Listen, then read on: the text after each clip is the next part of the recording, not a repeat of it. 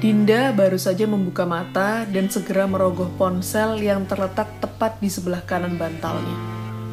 Pukul 5 lebih 38 menit. Rutinitas paginya diawali dengan membuka aplikasi favoritnya, Instagram.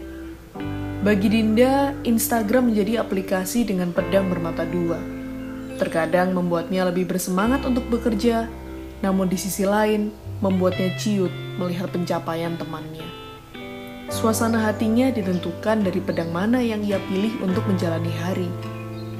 Namun, di pagi yang mendung ini, ia berusaha untuk tidak terjebak dalam perasaan yang sendu. Ia segera beranjak dari tempat tidurnya, lalu membuat secangkir madu dan jeruk nipis hangat. Dinda tahu bahwa minuman ini belum terbukti memiliki khasiat yang baik bagi kesehatan. Namun ia percaya bahwa kehangatannya mampu membawanya menuju ke semangat yang baru. Tak punya tujuan bukanlah masalah. Berlayar tanpa peta pun bukan hal yang buruk, asal kau di sampingku.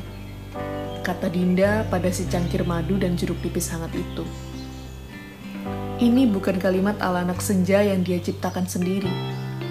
Hanya saja, malam tadi ia baru menyelesaikan episode terakhir dari drama Korea Startup ia pun mulai percaya bahwa menjadi lebih luas bukan pilihan yang buruk. Dinda mencoba menentukan pulau-pulau terdekat yang bisa ia capai dan berlayar tanpa mengetahui pulau seperti apa yang kelak membuatnya bersedia untuk menetap.